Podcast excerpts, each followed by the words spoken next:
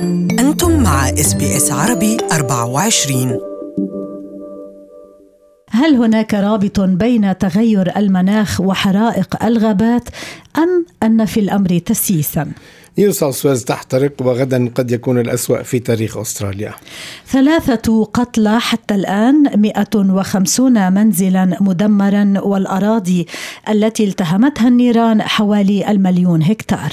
بدت السلطات في ولاية نيو ساوث ويلز عاجزة عن ضبط وحش النار المدمر الذي يفترس أجزاء واسعة من الولاية. فقد التهمت النيران حتى الآن أكثر من 900 ألف هكتار من الأراضي والغابات وتسببت بمقتل ثلاثة أشخاص وتدمير 150 منزلا. رئيس حكومة نيو ساوث ويلز جلاديس بريجيكليان أعلنت حالة طوارئ في كل أنحاء الولاية وهو تدبير يتخذ للمرة الأولى منذ تشرين الأول أكتوبر 2013 عند خروج حرائق الغابات في منطقة البلو ماونتنز عن السيطرة. وإعلان حالة طوارئ يعني أن كل الأمور ستكون بيد السلطات ويتوجب الإذعان السريع للأوامر التي تصدر عنها بإخلاء المناطق المهددة. ولعل أخطر ما في الأمر أن الآتي أعظم فقد رفعت سلطات الولاية التي تضم حوالي 30% من سكان أستراليا إنذارها من الحرائق إلى أعلى درجات سلم التحذير وهي درجة الإنذار الكارثي ليوم غد الثلاثاء حين تصل الحرارة إلى 37 درجة مئوية مع بعض الرياح. ودرجة الإنذار الكارثي أو catastrophic هي لكل منطقة سيدني والهنتر الكبرى. الإنذار الكارثي يعني أن عواقب الحرائق ستكون مفتوحة على كل الاحتمالات وأنه لا مجال أبدا للتفكير بالدفاع عن المناطق المأهولة. كل ما يمكن عمله هو الفرار واللجوء إلى أماكن أخرى. ويعمل الآن أكثر من 1300 عنصر إطفاء على مكافحة نحو 60 حريقا في الولاية عدد كبير منها خارج عن السيطرة. ومن نيو ساوث ويلز إلى كوينزلاند حيث لا تزال فرق, فرق الإطفاء تكافح 47 حريقا كبيرا. وسط هذه الأجواء, الأجواء نشب سجال بين الحكومة الفيدرالية وأنصار البيئة الذين رأوا أن تغير المناخ هو الذي يسبب كل هذه الحرائق في أستراليا. ورد عليهم نائب رئيس الوزراء مايكل ماكورماك بوصف الأشخاص الذين يربطون بين تغير المناخ وحرائق الغابات بالمعتوهين. المزيد عن هذا الموضوع في لقاء مع الدكتور جمال رزق خبير البيئة لدى جامعة غرب سيدني والذي ينضم إلينا الآن. أهلا وسهلا فيك. مساء الخير. دكتور.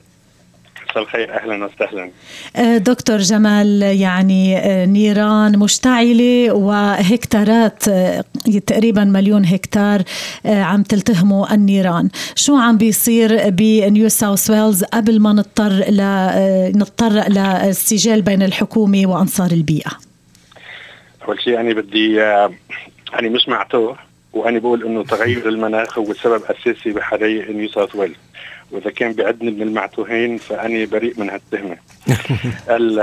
الجماعه كثير بيقولوا إنه تغير المناخ من حيث المنطق بالمنطق كمهندس أنا بحسب إنه هذا التغير اللي عم يصير بالطبيعة لابد إنه يبين بمطارح وإلا كيف ممكن نبرر هذا التسارع بالشيء اللي عم يصير؟ يعني إذا بنحسب بس هذه سنة 2018 و2019 حرايق الغابات بأمريكا حرايق الغابات اللي وصلت على الدائرة القطبية اللي بتصير مرة كل مئة ألف سنة. الحرايق اللي صارت بالقطب الشمالي هذيك السنة كانت ظاهرة غير موجودة بالتاريخ يعني. وهذا الذوبان اللي والأمازون كمان. نعم. والحرايق اللي عم تصير بالأمازون واللي هي مفتعلة من اليمين البرازيلي بدناش نحكي بالسياسة. لكن نحن عم نجني على حالنا بمطرح معين وبدنا نتلقى النتيجة. أول شيء قبل ما نحكي بالعلم ما فينا إلا الرحمة للي قضوا بالحرايق الأخير والشفاء العاجل للمصابين. وغدا بده يكون يوم كارثي بتاريخ الولاية ولكن ما فينا إلا نشوف هذا التعاضد اللي عم يكون بين حكومة الولاية والحكومة الفيدرالية والشعب الأسترالي كله وما فينا إلا نوجه تحية للناس اللي عم يشتغلوا هلأ بالظروف القاسية إنهم يقضوا على الغباء على الحرايق بكويزلاند واللي عم يستعدوا بكرة خاصة المتطوعين 1300 عنصر إطفاء عم يشتغلوا اليوم وبكرة رح يكون في عدد كبير من رجال الأطفاء ومن المتطوعين لحتى يواجهوا الحرايق نعم. هو أكيد بنيو ساوث وبكوينزلاند أيضا مثل ما تفضلت وذكرت لكن دكتور في البعض بي بي بيقولوا إنه الطبيعة الأسترالية من زمان وجاي بيبقى فيها حرائق كبيرة حتى قبل ما يكون في حضارة للشعب الأبيض هون لأنه النوع الشجرية اللي فيها بالأخص شجر الكينا ونوع زيتي وسريع الاشتعال وصاير كتير حرائق بالتاريخ كتير كبيرة. صحيح. لكن لكن هذا التسارع اللي عم يصير اليوم بنيو ساوث ويلز بالحريق اللي عم يصير ب آه الحرائق صعب البحث فيها وقديش كان قوتها وقديش كبرى ولكن نحن قدامنا فينا نعرف قديش عم يصير الارتفاع بدرجات الحرارة قديش الارتفاع بالتلوث اللي عم نسببه وكيف الرابط بيناتهم. يعني يعني بالفترة من 2004 لهلا أو 2005 لهلا إذا بنلاحظ كيف عم يصير التسارع بحرائق الغابات عم يكون شيء مخيف. مخيف يعني العدد الهكتارات اللي عم تحترق والتأثير اللي عم يصير. ما في حدا في يقول إنه قد يكون بالأول كان يصير عندنا حرائق ولكن هل هل يمكن تبرير إنه الكوارث اللي عم تصير بالعالم كله كلها مترابطة وكلها متك... يعني حرايق كاليفورنيا هذيك السنة حرايق سيبيريا بروسيا الفيدرالية. الشيء اللي عم يصير اليوم غير مسبوق بالتاريخ على الإطلاق. وإذا كنا نحن كنا عم عم نطمح إنه باتفاقية باريس انه نخفف درجة الحرارة نمنع ارتفاع الحرارة ما بعد درجتين أو 1.5 فبالفترة من 2015 ل 2019 already قطعنا هذا عم نعم. ترتفع درجة حرارة الأرض وعم يذوب عم يذوب الجليد هل هل دخلنا مرحلة عدم القدرة على السيطرة برأيك؟ عدم اللا آه, آه هو فترة اللا رجوع؟ نعم. لا هو لحد هاللحظة هذا مثل يعني كيف واحد إنه استعمل الكريدت كارت وسحبنا مصاري كثير ولما إجت الفاتورة بلشنا نولول. لكن إذا حتى لو ولول بدك تدفع الفاتورة أول شيء بس بنفس الوقت بدك توقف استعمال الكريدت كارد أحسن ما تجيك ثاني فاتورة. لحد هاللحظة هذه العالم ما عم ياخذ إجراءات ما مضى قد مضى وهو هذا ايرريفرسبل يعني ما فينا نرجع الشيء التلوث اللي انحط نعم. بالسماء إنه نرجعه. لكن فينا نحد من من تأثيره. واحد اثنين ما نستمر. لأنه إذا استمرينا بعد أكثر صار التسارع عم يكون أكثر بكثير. حرايق الغابات بالقطب الشمالي هذيك السنة أدت إنه يطلع عندنا 60 مليار طن من ثاني أكسيد الكربون أي ما تفرزه قارة أوروبا كلها. فهلأ النتائج صارت مثل كيف إنه عندك قرض وعم يجيك الفوائد. يعني يعني دوامة دخلنا دوامة. إيه. وهذا ال 60 مليار طن من ثاني أكسيد الكربون اللي نحطه من حرايق القطب الشمالي رح يأثروا أكثر لحتى يصير في كوارث طبيعية أكثر هلأ كمان. والذوبان الجليد اللي عم يصير بجرينلاند وبالقطب الجنوبي والقطب الشمالي عم يأثر بارتفاع منسوب البحر واللي لا يمكن قطعا إلا يؤدي لكوارث طبيعية. نعم يعني دكتور جمال حضرتك عم بتقول آه، إنه هالدوامة يلي دخلنا لها آه، أشياء عم بتأثر على أشياء وبشكل دائري عم بيصير في تداعيات. بالإضافة إلى رأيك يعني كان في 11 ألف عالم آه، عالم بالعالم كمان يعني رفعوا الصوت ونداء بإنه العالم أو الكرة الأرضية أصبحت بحالة طوارئ. شو هي الإجراءات يلي المفروض إنه الحكومات تتخذها؟ بشكل مباشر وسريع. يعني مثل ما قلت يمكن ما تقدر تعكس اللي صار إنما على الأقل ان تحد من تطوره وتوقفه. نعم. أول شيء بعد الحريق بعد ما بكرة الله يعطيهم الصحة والعافية للناس اللي بدهم يطفوا الحرايق لكن بدنا نقاش هادئ بالمجتمع الأسترالي. مثلا نحن من أكثر الدول بالعالم على الإطلاق تلويثا. يعني بنلوث هون 1.4 وبنصدر فحم حجري لحتى غيرنا يحرقهم ويلوث 5% نحن أمي عددها 25 مليون بتلوث 5% من كل التلوث اللي عم يصير بالعالم. وإذا ظلينا بهذه الوتيرة بتصدير الفحم وإنتاج الفحم رح نوصل سنة 2030 إنه نلوث 20% لحالنا.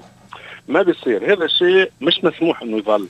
لازم بهدوء نحن عم نصدر اليوم 75% من فحمنا المستخرج. نحن عم عم عم نشتغل حتى ويلز بعد كهربتنا 85% على الفحم. بالولايات الكبيرة بأستراليا بفيكتوريا بنيو ساوث ويلز بكوينزلاند كهربتنا الأساسية بعد جاي من الفحم الحجري.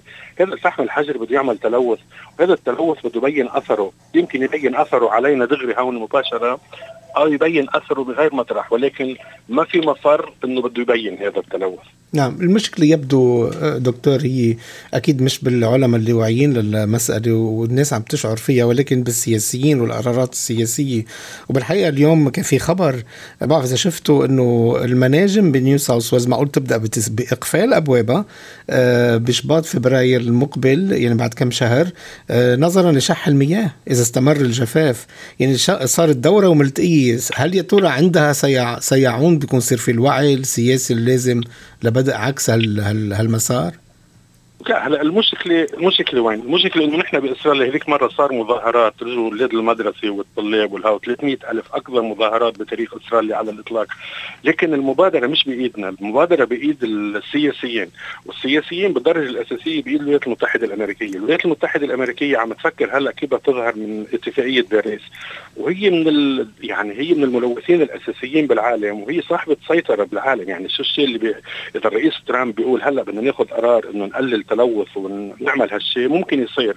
ولكن هن المنطلقين أكثر من غيرهم بالتلوث حتى هن اللي باركوا إنه البرازيل تحرق الغابات الأمازون. في شيء بالسياسة العالمية ما مزبوط. في شيء يعني قد ما بيحكوا العلماء بيحكي العلم لكن قدام مقدرة السياسيين ما عندنا قدرة. مزبوط نحن بدنا نوصل بدائرة. يعني انت في جفاف اليوم الجفاف بده يؤدي لندره الماء ندره الماء بتؤدي للحرايه نعم. والحرايه بتؤدي لندره الماء اجان ومندور بدويره بتصير تنتج نتائج عن أسباب نحن ساهمنا فيها. لكن هل يمكن انه نظل نشوف العالم مثل ما هو ونظل نقوم بهذا الدور؟ صح نحن عم نبيع 50 مليار دولار فحم. نحن عم نشغل 50 ألف عامل وزائد 120 بالدائرة الأوسع.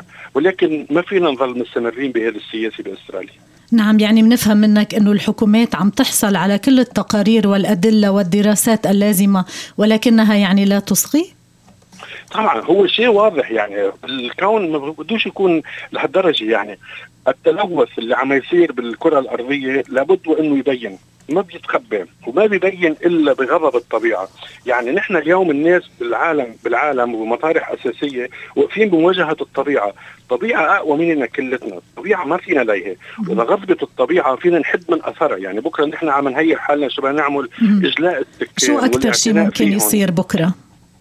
ولا شيء بس حرية إن شاء الله الله يعني يلطف بالناس وما تكونش ما توصلش نعم. على المناطق المأهولة وأهم شيء إنه شعبنا واعي وشعبنا فهمان ومتعلم باستراليا وبس يقولوا له اترك هذا القرية بده يترك صحيح. والنيران ما بي ما في معها مزح يعني ما بينمزح أهم شيء إنه في مقدرة إنه استيعاب إذا نسميهم اللاجئين أو المهجرين استيعاب السكان القريب من الغابات نعم. وإنهم يطلعوا بريت المناطق الخطرة والمجتمع عنده مقدرة على استيعابهم وعلى التكيف مع الشيء لريثما تكون مضت الأيام الصعبه وعلى فكرة موسم الحرائق مش بس رح يمتد لهلأ. يعني هلأ من هلأ لفبراري نعم من هلأ لفبراري نحن قدامنا أيام صعبة. يعني الاتي أعظم مثل ما قال غسان. صحيح لأنه هيدي البداية. نعم. هو ربنا مش راح يترك لأنه نحن دولة العدل وشعب العدل مش راح يتركنا نواجه الطبيعة لحالنا. الله بحط معنا إيد بالآخر. ولكن ما في مج... ما في شك إنه راح تجينا أيام صعبة بالحرية صحيح. نعم. بشكرك كثير على وقتك الدكتور جمال رزق خبير البيئة آه، من جامعة غرب سيدني. هل تريدون الاستماع لمزيد من القصص كهذه اشتركوا في بث برنامجنا المنتظم البودكاست على ال iTunes